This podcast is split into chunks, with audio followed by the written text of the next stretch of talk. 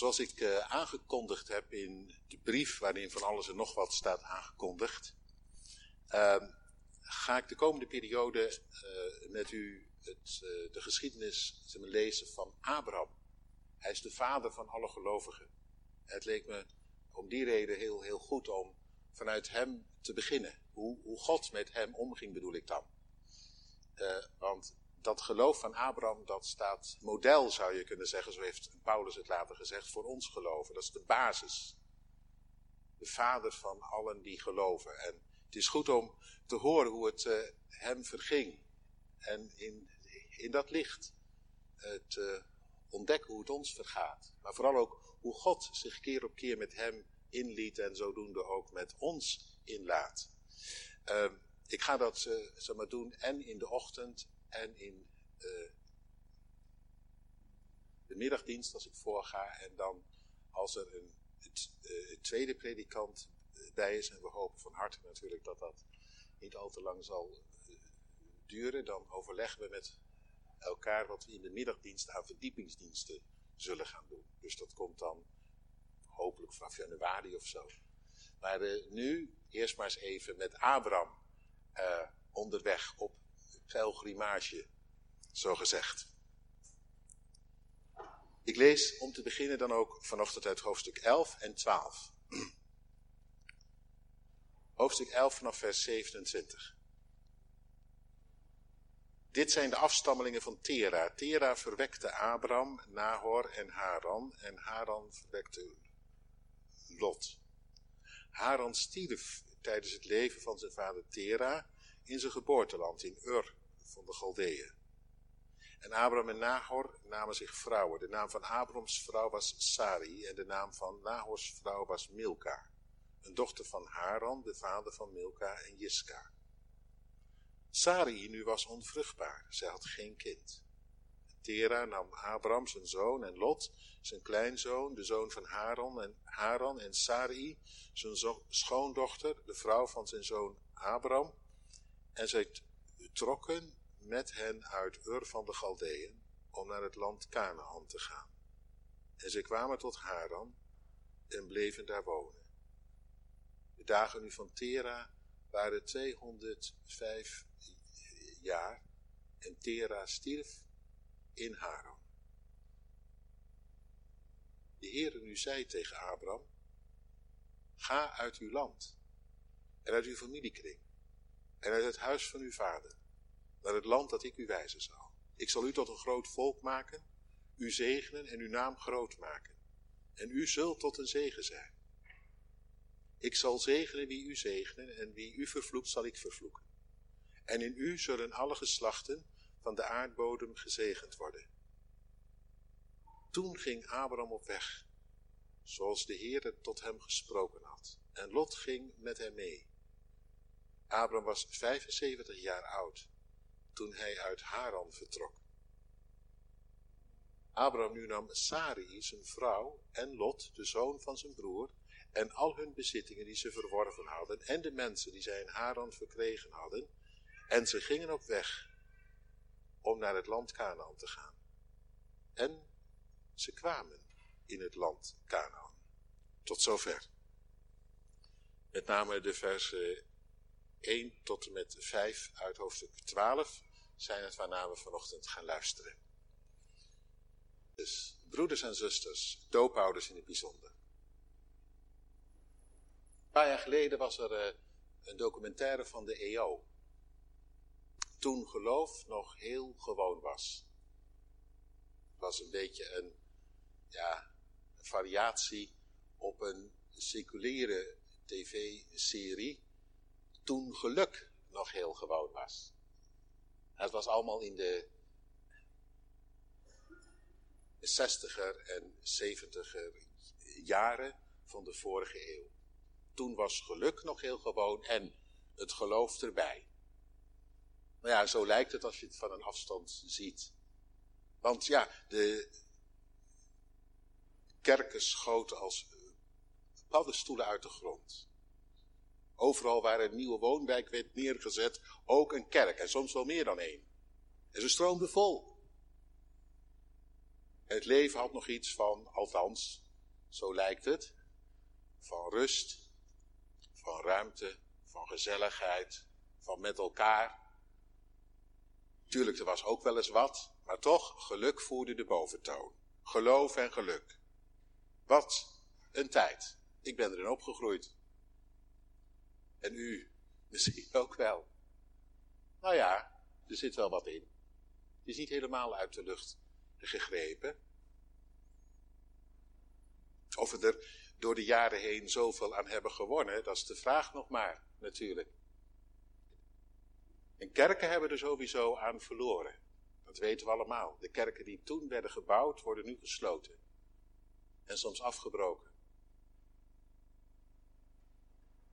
Proces wat onontkoombaar doorzet. Dus ja, toen geloof nog heel gewoon was, maar dat is het nu intussen niet meer.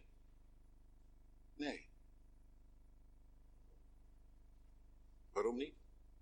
Nou ja, dat, dat, dat, dat, dat was zo'n beetje de teneur door die documentaire heen. Daar zijn we met elkaar gewoon te slim en te wijs voor geworden. Vroeger lieten we ons een oor aannaaien, maar dat doen we natuurlijk nu niet meer, hè? Mensen van de 21ste eeuw, kom op zeg. Dus dat geloof van toen, wat een beetje samenviel met het geluk van toen, dat zijn we echt ontgroeid. Die naïviteit. Dat we ons van alles lieten aanpraten en ons daar dan maar aan overgaven. En ons daar nog gelukkig bij voelden ook. Dat is echt voorbij. Ja. Te slim en te wijs geworden om te geloven. Zou het waar zijn? Nou, op het eerste gezicht natuurlijk wel, en er zou ook een heleboel over te zeggen zijn. Sinds dat we uh, meer, meer mogelijkheden voor, hebben voor opleiding en zo, is het ook zomaar gebeurd dat, dat God steeds meer buiten beeld is geraakt. Dus het lijkt erop dat als we meer gaan studeren, dat God dan vanzelf zoek raakt.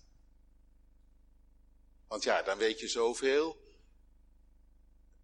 dan, dan is geloven een soort over, overbodigheid of zelfs onnozelheid. Dat laat zich toch niet combineren, dat hoor je ook wel. Hè? Jij bent zo gestudeerd en dan toch geloven. Nou, hoe krijg je het bij elkaar verzonnen en bij elkaar gehouden?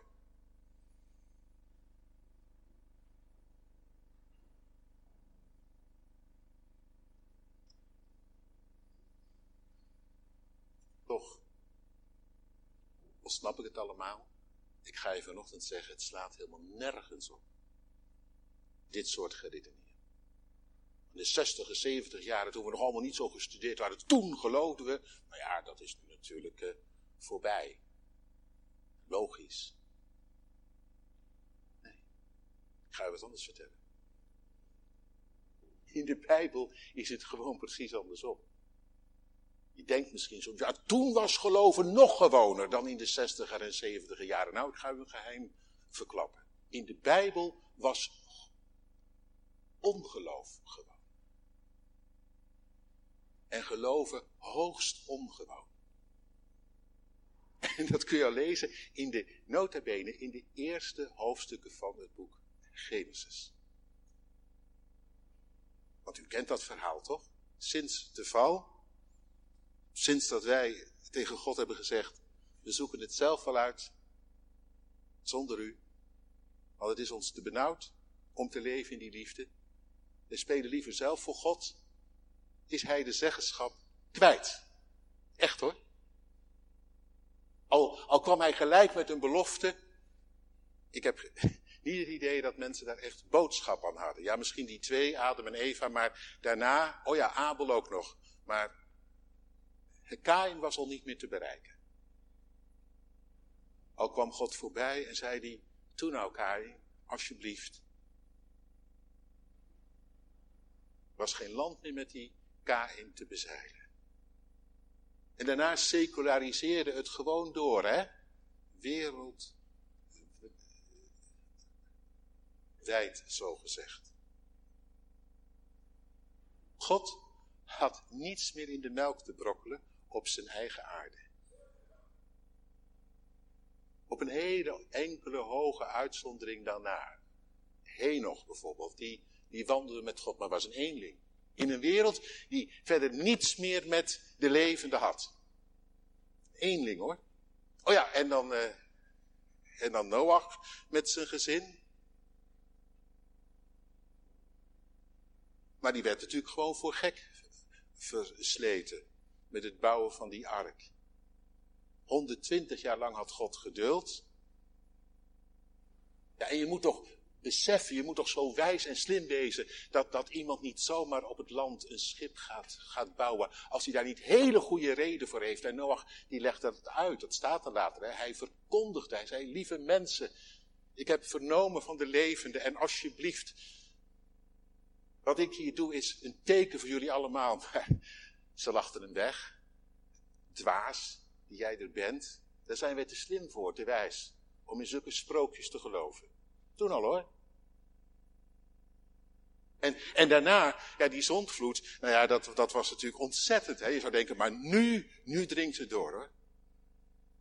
Als, als, als, als het oordeel van God dan over die aarde gaat, omdat er gewoon geen eer aan te behalen is. En het, het kwaad ten onder gaat, daar kom ik nog later wel een keer op. Dat is om te huiveren, maar dat is ook goed, hè? Dat God uiteindelijk met het kwaad niet uit de voeten kan. Maar dat, dat er een, een punt is. Dat hij zegt, klaar ermee. En dat zal het laatste woord niet hebben. En, en, en, dan door die zondvloed heen een regenboog. En dan denk je, nou, onder de regenboog van Gods trouw. Nee, maar nou, nou hebben de mensen hun lesje geleerd. Nou, helemaal niet. Denken mensen nu ook wel eens, nou, die crisis hè, van nu. Nou, als je het nu toch niet ziet, nou, moet je de Bijbel eens op, uh, op nalezen. Zo makkelijk gaat het niet hoor. Dat mensen omgaan. Hardnekkig als, tarrig als ze zijn. Nee, het enige wat je ziet gebeuren is dat wij miljarden investeren in uh, het omhoog houden van onze economie. En die schijnen ineens voorhanden te zijn. Veel hebben we niet geleerd. Laat staan dat we ons zouden hebben bekeerd. Want wat zegt de Bijbel? Dat, dat de rijkdom die uit handen wordt geslagen, zou wel eens van doen kunnen hebben met het onrecht wat je jaar en dag hebt begaan. Dat je je verrijkt hebt over de rug van de rest van de wereld heen. En wij zijn er soms zo doof en blind voor geworden dat de stem van de profeten, dat, dat we die helemaal niet meer horen. Maar hebt u nou het idee dat we door de crisis heen ineens daar wel oor en oog en hart voor hebben? Hebt u dat idee? Ik nog niet. Miljarden voor onszelf en honderd vluchtelingen als troostprijs. Waar dan hier een plek voor is. Denk je dat je daarmee wegkomt bij God? Denk je dat?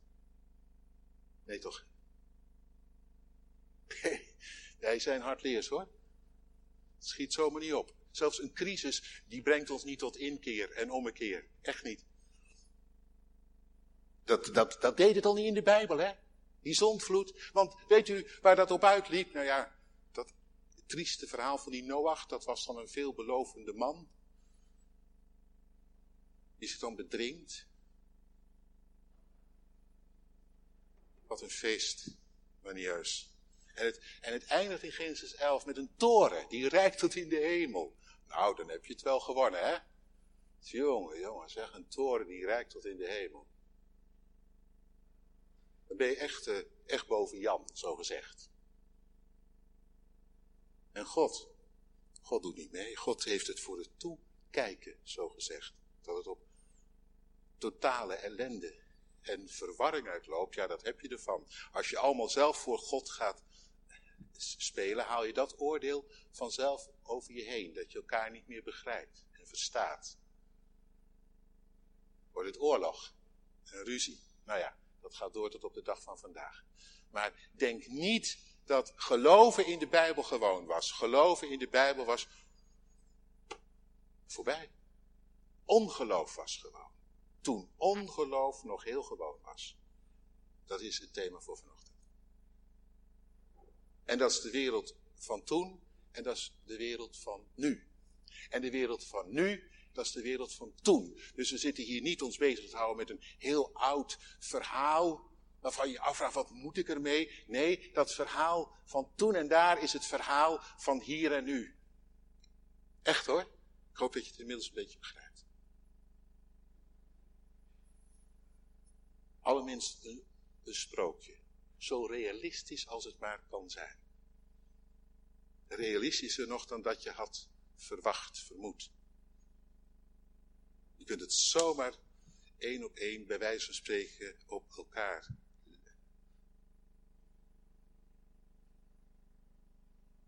leggen. Als je de ezels vervangt door auto's, heb je ongeveer dezelfde wereld.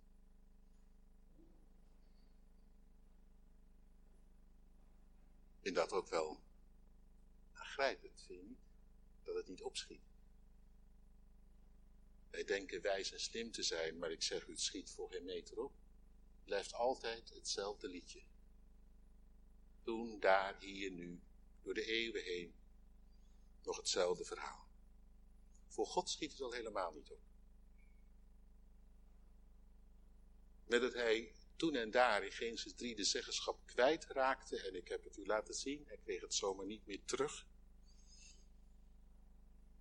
En met dat wij de zeggenschap naar onszelf toegetrokken hebben, en onze eigen goden bedenken, hoe ze er ook uitzien, en we bedenken ze nogal altijd, hè. De goden waarvan wij geloven dat die ons geluk kunnen bezorgen, waar we ons voor buigen, waar we ons aan verliezen, die het voor het zeggen hebben, die ons leven beheersen. Ik ga ze verder vanochtend niet invullen, je weet het zelf, maar al te goed wat jouw leven beheerst, waar jij voor bukt en buigt, waar in jouw leven alles voor opzij moet, of weet je dat niet? Wees zo blind dat je dat niet weet. Slim en wijs, maar geen idee waaraan jij je hart verliest. Denk er maar eens over. Wees maar eens zo wijs en slim om daarover te denken.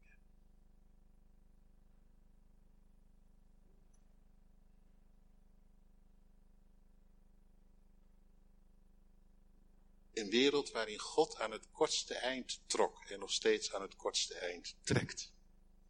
Daar leven we in.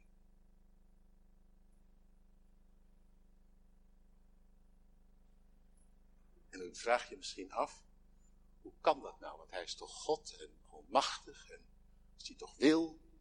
Ja, maar zo werkt het niet, hè? Want God is voor alles liefde, weet je dat? Hebben we net gehoord uit de Torah dat hij liefde heeft opgevat voor Abraham. Kom er zo meteen op. Hij is liefde, hè? voor alles, boven alles. En het is die gebleven. Al was bij ons het hart voor hem eruit, hij bleef hard houden voor ons. En dat zie je gelijk, na de val is zijn eerste woord niet een verwijt, maar is zijn eerste woord een belofte. Ik zal wat jullie kapot gemaakt hebben, dat ga ik helen, daar ga ik voor, tot in de dood. Liefde heet dat.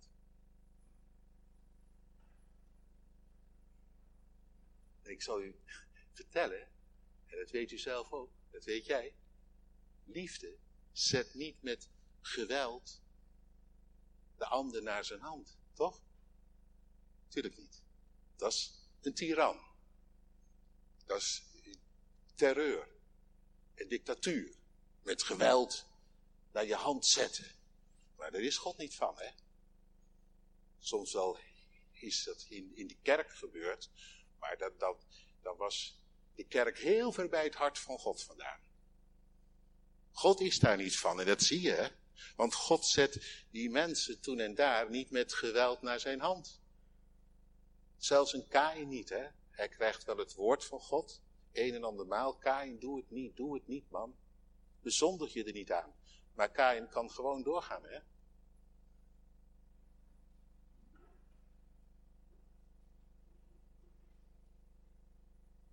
Liefde zet de ander niet met geweld naar zijn hand. Liefde, dat weet je. Hoeveel hart jij ook voor de ander hebt. Liefde kan worden genegeerd. Kan worden afgewezen. Kan worden afgedankt.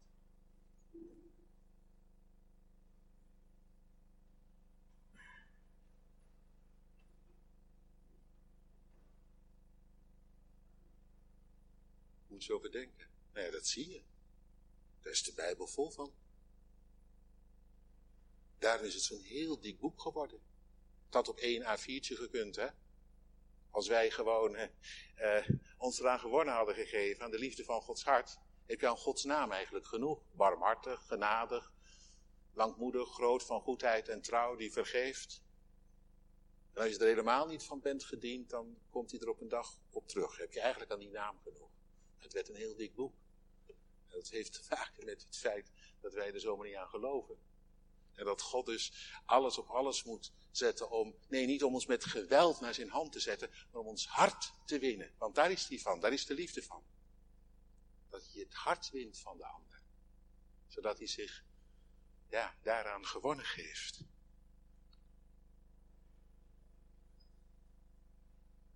Dat is het geheim. Daarom trekt God aan het kortste eind. Want hij heeft ons hart niet mee. En de wereld tegen. En de duivel zit er bovenop om ons daar in gevangen te houden. In onze eigen hardnekkigheid, ons eigen gelijk. En dat kan allerlei vormen aannemen. Kijk maar gewoon naar jezelf. Zullen we het even dichtbij houden? Kijk even naar jezelf. Welke vorm dat aanneemt bij jou, die hardnekkigheid. Om gehoor te geven. Daar loopt God dus tegenop. En, en na Genesis 11 had er een punt kunnen staan. Want ik weet niet of u het door had, maar dat stukje van Genesis 11, ja, daar komen al die namen voorbij, dat geslacht van Abraham. Maar daar komt de naam van God niet in voor, hè? Helemaal niet. Er wordt iets van de uh, familiegeschiedenis verhaald, maar zonder God. Zonder hoop. Abraham was net als de rest hoor. Had niet een streepje voor, het zat er bij hem niet een beetje meer in. Nul niks, net als iedereen. Maar, maar dan staat er, de Heere sprak. De Heere nu sprak tot Abraham, daar middenin. Stem, een woord. Hij de zeggenschap kwijt is. Hij aan het kortste eind eh, trekt. Neemt hij toch alsnog opnieuw het woord. Waarom? Nou, dat zit in die naam. Die wordt hier genoemd. Ik ben die ik ben. Jawel. Die naam die moet je leren. Dat geldt voor de kinderen, voor de jongeren, voor volwassenen. Want ik merk altijd weer dat de mensen de naam van God niet kennen. Kent, kent u hem? Ken jij hem? Zou bijna als huiswerk willen opgeven voor van de week. Exodus 34, vers 6 tot en met 8. Onthouden. Exodus 34, vers 6 tot en met 8. Ga je van de week, ga hem leren. Want het is te gek voor woorden als je de naam van God niet herkent. Ik ben die ik ben. Ja, dat, dat was bekend waarschijnlijk. Maar er staat wat bij. Als God zijn naam uitroept. Barmhartig. En dat komt helemaal uit God zelf. En daarom genadig en groot van geduld. Hij kan je hebben een leven lang. En groot van goedheid en trouw, dat ook. Goede tierenheid staat er. Dat is een goedheid die blijft stromen. En die is zo trouw. Die is zelfs trouw, al ben jij ontrouw. En die zonde en ongerechtigheid en overtreding vergeeft. Dat zijn alle woorden voor zonde op een rij. Dat is jouw hele leven. Want onder de maat blijft over de schreef gaat het onbewuste, het bewuste, alles. Die, die het niet hebben kan. Dat dat van jou en mij het hoogste en het laatste woord zou hebben. Die neemt opnieuw het woord. Hier. In die wereld van toen, in de wereld van nu. Niet omdat Abraham erom verlegen zat, nee, hij had een bloeiend bedrijf. Ja, echt hoor, bloeiend familiebedrijf. In een welvarende landstreek ook, dat Ur, Haran, nou, nou. Het was een vruchtbaar gebied kon je goed boeren. En flink zeg geld verdienen. En hij voelde zich daar ook op zijn gemak. Nou ja, ze trokken wel wat, wat rond van de ene plek naar de andere op zoek. Altijd weer naar de beste plek, weet je wel. Net mensen, hè? Of het waren gewoon mensen, bedoel ik. En, en intussen geen idee dat hij zo ontheemd was als wat. Ver van huis. Ver van zijn oorsprong. God. Ooit misschien van gehoord. Heel lang geleden het voorgeslacht, maar misschien dat zijn naam intussen al compleet verdwenen was. Dus zonder God, zonder hoop. Ja, zakelijk gezien, perspectieven tot en met, maar menselijk gezien zo uitzichtsloos als wat. En dat is geen zware praat, dat is gewoon de keiharde werkelijkheid, of niet? Want we gaan allemaal, kort gezegd, dood. Toch? Geen mens uitgezonderd. Dus tel uit je winst. Aan het eind van de rit. Die, die man, die wordt van hogerhand opgezocht. Ineens een stem in zijn leven. Gods liefde die, in, die zich aandient. Een stem. Die zo doordringt dat hij weet. Ineens, hij leeft. Hij zoekt me. Hij roept me. De levende, het dringt tot hem door. Nooit enig idee gehad en nu diep over uh. Ik kreeg van die week, even zeggen, ik kreeg van die week zomaar onverwacht van een, uh, een, uh, een filosoof uit Amsterdam, een jonge, jonge afgestudeerde filosoof uit Amsterdam, een bericht. Hij zei, ik heb God gevonden. Nee, schreef hij erachter, God heeft mij gevonden. Ik had er niks mee, geen idee. Maar ik ontdekte dat hij alles met mij wil. Nou, dat van toen, van Abraham, dat gebeurde dus ook in het leven van die jongen zomaar. Dat is het geheim, dat is het verhaal. Het is heel klein, hè? God komt heel klein. Liefde komt niet met heleboel lawaai, tam, uh, tam. Ik zei het al, zet niet met geweld naar de hand, maar komt. Hoe? Met een blik, met een gebaar, een woord. Ken je het? Dat je ineens zo'n moment hebt dat je denkt, ik word gezien. Een gebaar, dat er iets gebeurt in je leven, dat je ineens tot je doordringt.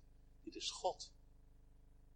Dat niet meer alleen iets wordt van horen en zeggen, maar iets van heel dichtbij. God komt voorbij, of een woord. Een preek. Als je leest uit de Bijbel. Of door een lied.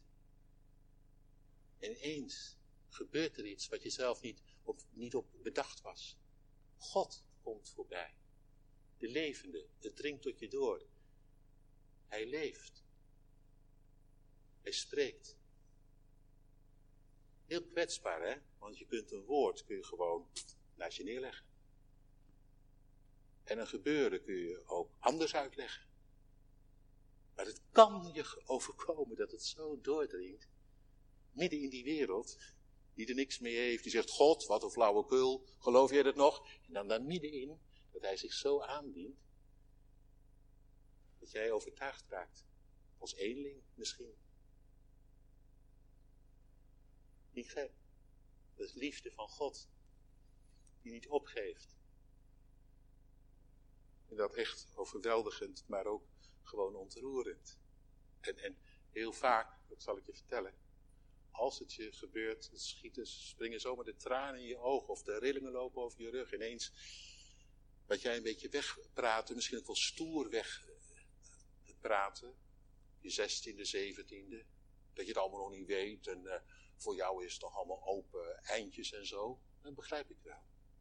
Het is ook helemaal niet gewoon om te geloven. Ongewoon.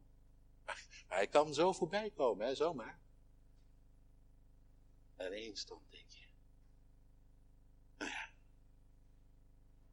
Hij komt voorbij vanochtend door deze preek via de stem van een dominee. Nou, dat is ook heel kwetsbaar, hè. Die woorden van mij, die kun je ook een hoop vegen en zo achter je rug gooien, dat kan. Zo komt God, zo kwetsbaar. Zo zonder zich op te dringen, zo gezegd. Niemand wordt vanochtend iets opgedrongen, maar hij komt wel voorbij. Bedenk het goed. Hij komt voorbij in de doop. Dat is nog, nog kwetsbaarder en kleiner. Zo komt God. In de wereld van hier en nu, van Rotterdam. Hier vanochtend, met een paar druppels uitgegoten over het leven van, van jouw kind. Zo komt hij. En dat kind dat zal van mij zijn en... Nee, hij laat liefde stromen. Hij zegt, lieve kind, al weet jij het nog niet, weet één ding. ik ben er voor jou met al de liefde van mijn hart. Wat mij betreft een eeuwigheid lang. Ik kan jou hebben. Hoe het ook gaat, wat er ook gebeurt, met al je tekort. Ik sta voor jou in.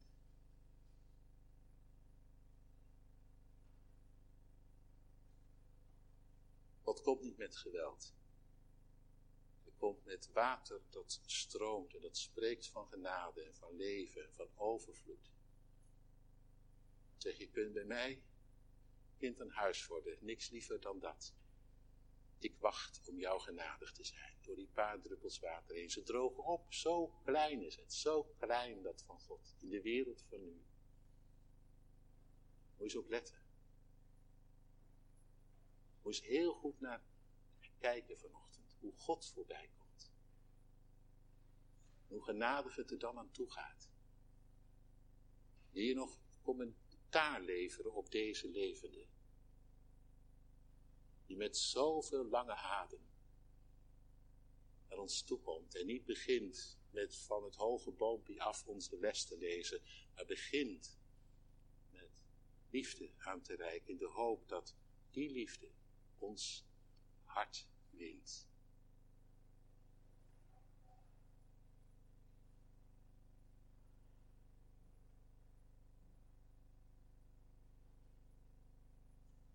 Kijk naar kinderen. Ik kijk naar jongeren. Ik kijk naar iedereen. Wie straks even heel goed kijken. God kwam en komt voorbij. Zo. Paar druppels water ontdrogen ze op die zeggen. Wat er ook gebeurt. Zelfs al raak ik weet niet hoe ver van huis. Dat van mij, dat blijft staan. Een eeuwig verbond. Je kunt er altijd op terugkomen.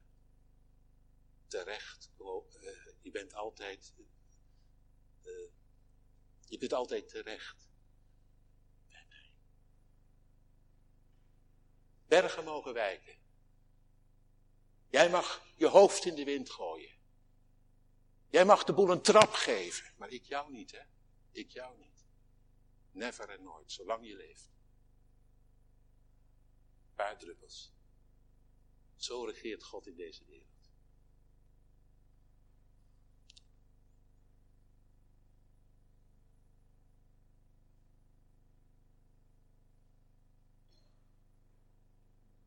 Ga naar het land, zei hij, dat ik je wijzen zal. Dat is mooi. God, daar ga ik nu niet te lang op in meer hoor. Maar ik wil het wel even gezegd hebben. God legt op zijn eigen aarde beslag op een strookje aarde. Mag die? Mag die alsjeblieft?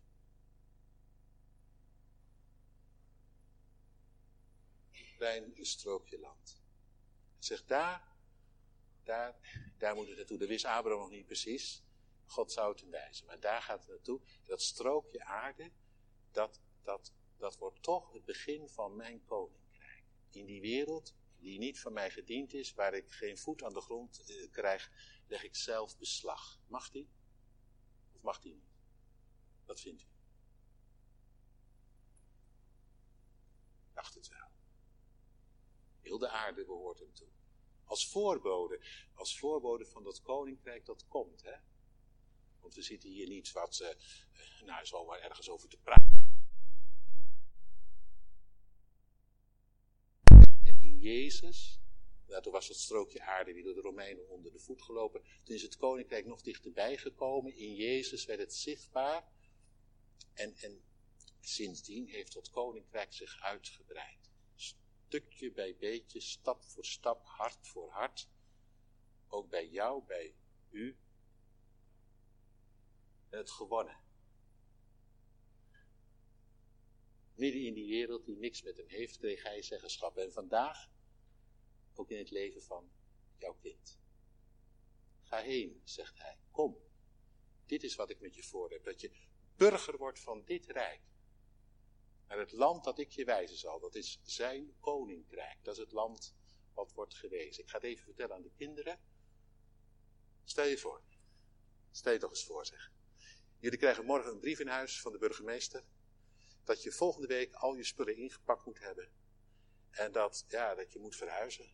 Dat huis is in beslag genomen, daar mag geen zanger meer wonen. En je weet nog niet waar je terecht zult komen, in Rotterdam of uh, ja, misschien nog op een hele andere, andere plek hier ver vandaan. Hoe zou je dat vinden? Nou, niet leuk, denk ik. Hè? Je kamer kwijt, al je spullen. Wie zou dat leuk vinden? Dat is spannend. Denkt niemand. Denk dat je er een beetje onzeker van zou worden. Maar, maar nou, nou even een ander verhaal. Stel je voor, dat is natuurlijk onzin, maar stel je toch eens voor dat je een hele rijke oom hebt, ergens in Amerika. Hè?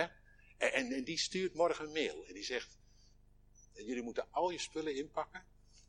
En ik verwacht jullie volgende week op het vliegveld in New York bijvoorbeeld. En, en ik heb wat voor jullie, een plek. Zo geweldig. Nee, ik zeg nog even niet van hoe en wat. Maar uh, reken erop dat het je daar goed zal vergaan. Nou, hoe zou je dat vinden? Nou, dan wordt het wel een spannend verhaal. Zou je zelfs een beetje, een beetje jammer vinden als je vader of moeder zou zeggen, nou nee, daar beginnen we niet aan. Zou je zeggen, kom op, laten we gaan. God, daar valt die rijke oom natuurlijk bij in niet. Hè? Dat, dat, dat is God. Moet je nagaan, de levende die jou schiep, die zegt, kom, kom. Ik wil jou bij mij thuis hebben. In mijn rijk. Sta op. Hij komt voorbij. En je weet misschien nog lang niet half van dat koninkrijk. Je hebt er hier en daar wat van gehoord. Maar ik kan jou beloven. Hoe jong je ook bent, kom, sta op. Ga mee. Hier. Een Bijbel, kinderbijbel. Weet je waar je uitkomt? Bij het hart van God thuis bij Hem. Je wordt gezien, gekend, bemind. Hij staat voor je leven in. Zelfs in verdriet laat Hij je niet aan je lot over, maar vangt hij je op. hij belooft dat van mij, dat van mij dat gaat door. De rest, die gaat te gronden. Het kwaad en dat wet, wat, wat wij bedenken. Al die kleine koninkrijkjes van ons, hoe indrukwekkend ook. En dat van mij, dat gaat door. En dat is intussen gebleken, bewezen. Want dat wat je aan Abraham beloofde, in jou alle volken van de aarde gezegend. Hij is ermee bezig, hè. Ik sta hier geen onzin te verkopen, hoor. Echt niet. Ik sta hier geen onzin te verkopen. Ik sta hier iets uit te leggen wat je gewoon met eigen ogen kunt zien. We hoorden het uit, uit, Deuteronomium. Het gebeurt tot op de dag van vandaag en je kunt het met je eigen ogen zien. Tenminste, als je ze open wil doen. Kunt ook je ogen ervoor sluiten. Maar dan kun je met je eigen ogen zien dat wat God tegen Abraham zei, dat hij daarmee bezig is tot op de dag van vandaag. En dan heb jij er niks mee. Er zijn er nog steeds honderden en duizenden per dag die de ogen open gaan en die worden ingewonnen en die thuiskomen bij God. Die opstaan door te bukken en zo burger worden van zijn rijk. Komen in het land dat voor hen is bestemd. Echt waar. Daar zijn de bewijzen van. Nou, bedoeld. Reden genoeg, dacht ik, om ook maar eens op te staan. Of anders gezegd, gewoon door de knieën te gaan. Vind je niet? Wordt het niet hoog de tijd?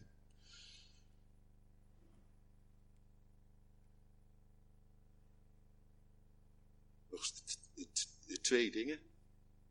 Ik zal het heel kort houden. Nu. Nog twee dingen. Even voor de duidelijkheid. Eerst is dat ja, Abraham moet alles achterlaten. Dat is niet niks. Het leven van toen, zonder God, eigen gang gaan, gelukkig wezen met je eigen, eigen dingetjes en zo. Of met je eigen bedrijf. En, en, en dan gaan leven vanuit God, vanuit die stem die hij vernam. Die zei, ik ben erbij, zegen jou, sta voor jou in, met alle genade van dien. En tegelijk moet u, op, moet u, moet u, uh, moet lezen, dat viel mij op, neemt hij alles mee. Dat is apart, hè? Heb je wel eens aan gedacht? Hij moet alles achterlaten. Althans, dat leven van toen en daar. In Ur en Haran. En, en intussen neemt hij alles mee. Al zijn bezit. Alles wat hij verworven heeft staat. Zijn hele bedrijf gaat mee. Ik mooi. Als je tot geloof komt, betekent dat niet dat je de rest allemaal moet afdanken. Dat denken mensen soms. Ja, dan gaat het alleen nog om je ziel en de rest is maar een beetje zo-zo. Nee hoor. Nee hoor, heel je bestaan mag mee. Echt. Met ziel en lichaam gekocht. Heel dat bestaan. Het telt voor hen. Doet mee. Neem het maar mee. Heel je leven. Bij, Abraham was het zo, de God op zijn hele erf en in zijn hele bedrijf. Nou ja, je kunt het zelf wel invullen, toch? Niet alleen dat je van hem verneemt en dat je ineens ontdekt, ik word gezien. Het is er een die het met me uithoudt op een manier zoals niemand het met me uithoudt en genadig is zoals er geen mens genadig is. Wat goed hè? Genade van God is fantastisch hoor.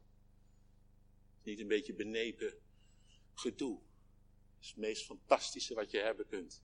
Maar daarbij heel je bestaan, zodat heel dat bestaan al meer komt. Staan in het licht van God. In het licht van de zegen. Christus in mij. En dat dat dan doorwerkt in je huwelijk, naar je kinderen toe. In je bedrijf, naar je collega's. Ja. God is niet alleen van je ziel, God is de God van je leven. En dat het dus, ja, wat meer hemel op aarde wordt hè, in jouw huis. Koninkrijk van God, dat begint daar. En daar word je niet minder van, daar word je meer van. Nou ja, een beetje minder onmens word je ervan. En een beetje meer mens van God. Wie zou dat nou niet willen? Wat wil jij eigenlijk worden?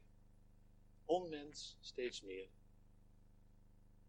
of mens van God? Steeds meer van Jezus. Nou goed, en dan het laatste. Vind ik zo mooi. Eén zinnetje. Zij kwamen in het land Canaan. Gewoon door gehoor te geven. Die stem. was al een hele route, hè?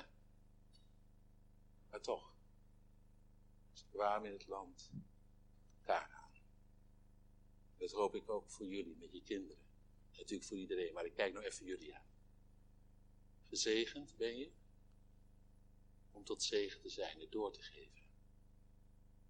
En waar begint dat? Vanaf de moederschoot. We hadden het er van de week op de doopzitting over. Dat je vanaf de moederschoot je kind thuis brengt bij God. Van u gekregen, het zal van u wezen. Dat de moeder van David, hè? Boerenjongetje uit Bethlehem. Dankzij zijn moeder, die hem van de, van de baarmoeder af geworpen heeft op God, werd die koning van Israël. Er gebeuren de meest onmogelijke dingen hoor, als je kind op God werpt. Gezegend om tot zegen te zijn. Jij mag het doorgeven, voorleven. In gebed je kind elke dag aan God geven. Zelfs al wil het niet. Nee, je kunt niet altijd bij de hand nemen. Dan breng je toch thuis bij hem. In Gods erbarmen. En zij kwamen in het land Canaan.